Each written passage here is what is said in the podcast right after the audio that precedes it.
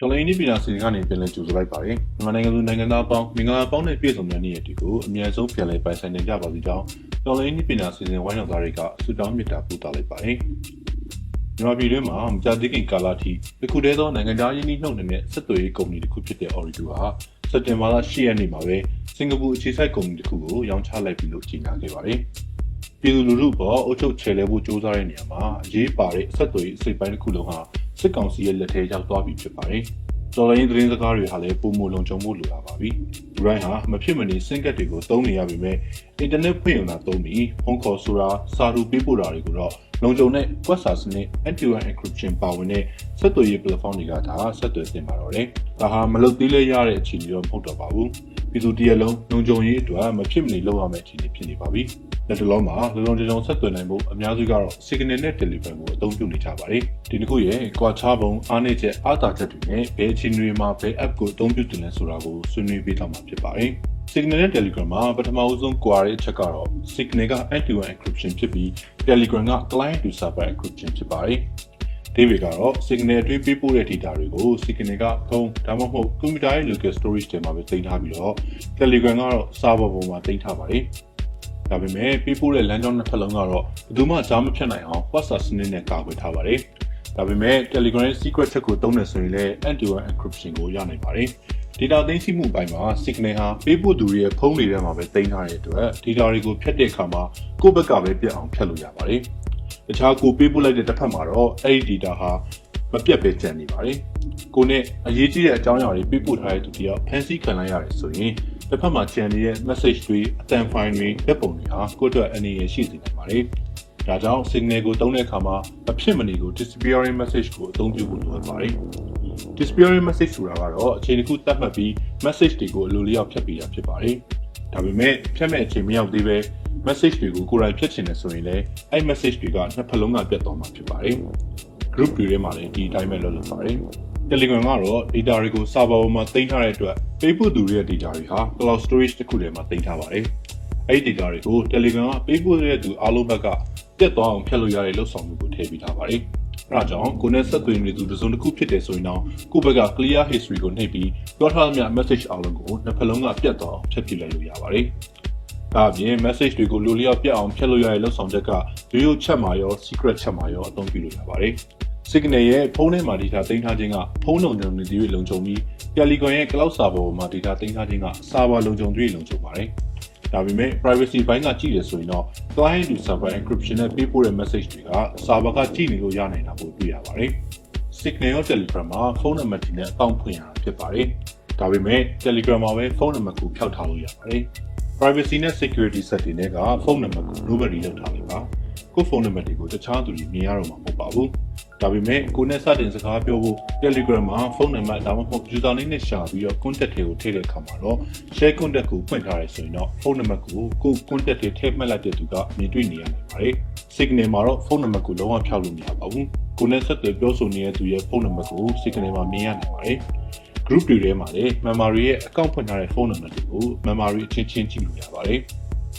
ဖုန်းနံပါတ်ကတစ်စီချီရခဏမျိုးမခံရအောင် Signal နဲ့ Telegram ကိုအသုံးပြုတဲ့အခါမှာကိုယ့်နာမည်အရင်နဲ့မှတ်ပုံတင်ထားတဲ့ SIM card မျိုးကိုအသုံးမပြုသင့်ပါဘူး။ဆိုင်တွေကမှတ်ပုံတင်ထားပြီးသား SIM card တွေနဲ့သာအကောင့်ဖွင့်အသုံးပြုသင့်ပါတယ်။အဲ့တူကကိုကကိုယ့်နာမည်နဲ့မှတ်ပုံတင်ထားတဲ့ SIM card နဲ့အကောင့်ဖွင့်ထားရဆိုရင်လည်းနောက်ထပ်အကောင့်တစ်ခုဖွင့်ပြီးတော့အသုံးပြုစရာမလိုပါဘူး။အရင်အကောင့်မှာပဲဖုန်းနံပါတ်ကိုပြောင်းလဲလို့ရပါတယ်။ Signal ရော Telegram မှာဖုန်းနံပါတ်ပြောင်းတဲ့နေရာမှာအလုပ်လုပ်တဲ့ပုံစံတူပါတယ်။ ဖုန်းနံပါတ်အဟောင်းကိုထည့်ကိုပြောင်းချင်တဲ့ဖုန်းနံပါတ်အသစ်ကိုထည့်ပြီးဝင်လာတဲ့ဖုန်းနံပါတ်အသစ်ရဲ့ကုတ်6လုံးကိုတောင်းတဲ့နေရာမှာထည့်လိုက်ရပါပဲ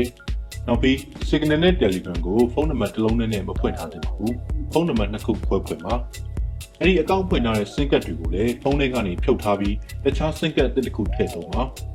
Telegram ရော Signal မှာပါအကောင့်ဖွင့်ထားတဲ့ဖုန်းနံပါတ်ကိုတည်သွားပြီဆိုရင် SIM card ကိုပွားပြီးအကောင့်ကိုအလွယ်တကူဝင်လို့ရပါတယ်။ ဒါမှမဟုတ်ကိုဖုန်းတွေက SIM card ကိုဖြုတ်ပြီးတခြားဖုန်းတစ်လုံးနဲ့ထည့်အကောင့်ဝင်ပြီးတော့လေကိုနဲ့ဆက်သွယ်ထားတဲ့သူတွေကိုချိတ်ဆက်ဆက်သွယ်နိုင်တယ်ပါတယ်။ဒါမှမဟုတ်တခြားသူအကောင့်ကထိချုပ်ခံရပြီးကိုကိုလာဆက်သွယ်ရမျိုးလည်းဖြစ်နိုင်ပါတယ်။အဲဒါကြောင့်ဖုန်းနံပါတ်တွေဝင်တဲ့ one time passcode အပြင်ဒုတိယလုံခြုံရေးဖြစ်တဲ့နှစ်စိတ်ကန်လုံခြုံရေးကို Signal ရော Telegram အသုံးပြုသူအားလုံးမဖြစ်မနေအသုံးပြုသင့်ပါတယ်။ Telegram မှာ Cloud Password ကိုအသုံးပြုထားတာဖြစ်တဲ့အတွက်ပြန်ဆယ်လို့ရတဲ့နည်းလမ်းတွေပါဝင်ပေမဲ့ Signal မှာတော့ကိုပေးခဲ့တဲ့ပင်ဟာမမှတ်မိရင်ပြန်ဝင်လို့ရနိုင်မှာမဟုတ်ပါဘူး။ Telegram မှာတပ်ပုံတွေဗီဒီယိုတွေကိုအလိုလျောက် download ဆွဲထားတတ်ပါတယ်။ Telegram ကိုအပြင်သွားတဲ့အခါမှာ account ထွက်သွားကြပေမဲ့အလိုလျောက် download ဆွဲထားတဲ့ cache file တွေဟာဖုန်းထဲက file manager ထဲမှာကျန်နေခဲ့တတ်ပါတယ်။အဲ့ကတည်းကကိုယ့်ရဲ့အရေးကြီးသတင်းအချက်အလက်တွေကိုရှာဖွေတတ်ကြတာကြောင့်အလိုလျောက် download ဆွဲထားတာကိုပိတ်ထားပါ storage media တွေမှာလည်း keep media ကို3ရက်ဖိထားပါ account ထွက်တိုင်း cache တွေကိုလည်းတစ်ခါတည်းရှင်းပစ်ပါအရေးပေါ်တစ်ခုကြုံနေဆိုရင် Telegram ကို account ထွက်ပစ်ဖို့လည်းလိုအပ်ပါတယ်အဲဒါကြောင့်နောက်ထပ် Telegram account တစ်ခုလောက်ဖွင့်ပြီး account နှစ်ခုဝင်ထားပါ Signal မှာတော့အရေးကြုံပြီဆိုရင် application ကို uninstall လုပ်လိုက်တာနဲ့ Signal application အတွင်းမှာတင်ထားတဲ့ data တွေကိုပြန်ဆယ်လို့မရအောင်တစ်ခါတည်းဖျက်ပစ်ပေးပါတယ် ထည့်လိုက်တဲ့ဖုန်းနံပါတ်နဲ့ပဲအကောင့်ပြန်ဝင်တဲ့အခါမှာပြောထားသမျှ conversation တွေအားလုံးကိုတွေ့ရတော့မှာမဟုတ်ပဲအကောင့်အတစ်ဖွင့်တော့ကအတိုင်းကိုဖြစ်သွားမှာပါဒါပေမဲ့ကိုဝင်ထားခဲ့တဲ့ group တွေပေးပို့ထားတဲ့ data တွေကိုဖျက်လိုက်ရလို့မဆုံးရှုံးချင်ဘူးဆိုရင်တော့ chat တွေကို backup လုပ်ထားပါ chat backup ကိုတော့ Android ဖုန်းတွေမှာပဲလုပ်လို့ရပါတယ် backup file တွေကိုလည်း signal ဖွင့်ထားတဲ့ဖုန်းထဲမှာပဲမထားဘဲတခြားလုံခြုံရာမှာတင်စီထားပါ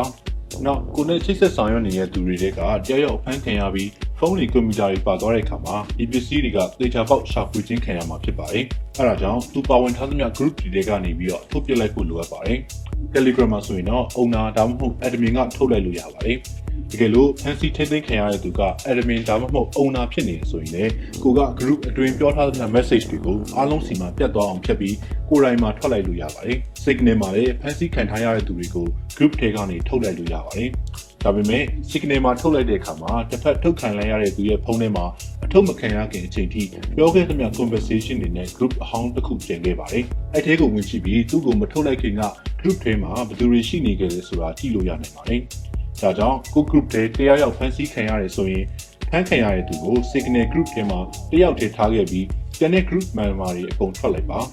ဒီနည်းနဲ့မှသာဘာ conversation မှမကြံခဲ့တဲ့ group တစ်ခုဖြစ်နိုင်မှာပါ disappearing message ကိုလည်းစတင်ဖွဲ့စည်းကြတဲ့ကပြောဆိုမဲ့အကြောင်းအရာတွေရဲ့ထိရှောက်မှုကြီးခြင်းအရာလိုအပ်တယ်လို့အချိန်အနည်းများချိန်ကြီးပြီးမမိမီလျော့နဲ့ထားတင်ပါတယ်အာနာဝိုင်းတွေက data တောင်းခံလာမှုကိုတုံ့ပြန်ခြင်းနဲ့ပတ်သက်လို့ဆွေးနွေးရမယ်ဆိုရင်တော့ Telegram ဟာရှေ့တာရကတွေအရ ဂျာမနီအစိုးရက data တောင်းတဲ့အခါမှာ IP address နဲ့ဖုန်းနံပါတ်တို့လိုအချက်လက်တွေပေးရတာနဲ့ရာဇဝတ်မှုနဲ့သက်ဆိုင်တဲ့ channel နဲ့ group တွေကစာတွေကိုထပ်ချပေးခဲ့ရတယ်လို့သိရပြီး signal ကတော့တောင်းဆိုသူတွေရဲ့အကောင့်စဖွင့်အသုံးပြုခဲ့တဲ့အချိန်နဲ့အကောင့်ကိုနောက်ဆုံးဝင်သုံးခဲ့ရတဲ့အချိန်နှစ်ခုကိုသာပေးရတယ်လို့သိရပါတယ်။တကယ်လဲစာပေါ်မှာ data တင်ထားခြင်းမရှိတဲ့ signal ဟာဘယ်သူတွေဘလောက်တောင်းတောင်းပေးစရာဖို့မရှိတဲ့အတွက်အသုံးပြုသူတွေရဲ့အချက်လက်တွေဟာအာဏာပိုင်တွေနဲ့ရင်ဆိုင်ရတဲ့အခါမှာပုံမလုံခြုံပါတယ်။ ဒါကြောင့် Signal နဲ့ Telegram ဟာလုံခြုံတဲ့ဆက်သွယ်ရေး platform တွေဖြစ်တယ်ဆိုပေမဲ့လည်းဖြစ်ပေါ်နေတဲ့အခင်းကျင်းတွေအလိုက် view design နဲ့လှုပ်ဆောင်ရမယ့်အရာတွေလည်းရှိနေပါသေးတယ်။ Signal နဲ့ Telegram ကိုလည်းဘယ်ဟာကပိုလုံခြုံလဲဆိုတာမျိုးတွေမေးကြတာရှိပါတယ်။လုံခြုံတာတစ်ခုလည်းရွေးသုံးမယ်ဆိုတာမျိုးတွေလည်းရှိကြပါတယ်။ဒါပေမဲ့ကျွန်တော်တို့ online နည်းပညာ season ဝိုင်းတော်သားတွေကတော့နှစ်ခုလုံးအသုံးပြုဖို့လိုအပ်တယ်လို့ယူဆပါတယ်။ Telegram မှာ channel တွေ group တွေပါဝင်တဲ့အတွက်လူအများနဲ့ဆက်ဆံဖို့လိုအပ်တဲ့နေရာတွေမှာအတော်လေးအသုံးဝင်တာကိုတွေ့ရပါတယ်။ ဒါအပြင်ပုံမှန်နှိပ်စက်သူကပြောဆိုဆက်သွယ်ရေးတွေမှာလည်း Messenger ကိုလူအသုံးများသလိုပဲအစားထိုးအသုံးပြုလို့ရလောက်အောင်လွယ်ကူပြီးတော့လုံခြုံရေးရလည်း view site တော့မြင့်လို့ရတာကိုတွေ့ရပါတယ်။ Cloud storage လည်းပါဝင်တဲ့အတွက် file တွေပေးပို့ကြတာမှာအတော်လေးအဆင်ပြေပါတယ်။ Signal ကတော့စိတ်ချရတဲ့အတွင်းချိတ်ဆက်ဆောင်ရွက်မှုတွေအတွက်ပုံမှုအသုံးဝင်ပြီးတော့ disappearing message ကိုအသုံးပြုပြီးထိရှားမှုကြီးချင်းမြင့်မားတဲ့အကြောင်းအရာတွေကိုအမြင့်ဆုံးလုံခြုံရေးနဲ့ဆက်သွယ်ခြင်းတဲ့အခါမှာအသုံးပြုနိုင်ပါတယ်။ ဒါဆိုရင်တော့ Signal နဲ့ Telegram ကိုရှင်တွဲအသုံးပြုနိုင်တဲ့အခြေအနေတွေကိုပြောပြခဲ့ရဖြစ်ပြီးကြည့်ရှုနေကြတဲ့ပရိသတ်ကြီးအားလုံးလည်းမြင့်တက်လာတဲ့ဖိနှိပ်မှုတွေကိုလုံခြုံစွာတွန်းလှန်ကြဖို့တိုက်တွန်းရင်းနဲ့ပဲနောင်ပတ်များမှာလည်းတော်လိုင်းနီးပညာစီစဉ်ကနေဘလို့အကြောင်းအရာကောင်းတွေဆက်လက်တင်ဆက်ပေးသွားအောင်လဲဆိုတာစောင့်မျှော်ကြည့်ရှုပေးကြပါဦးခင်ဗျာ။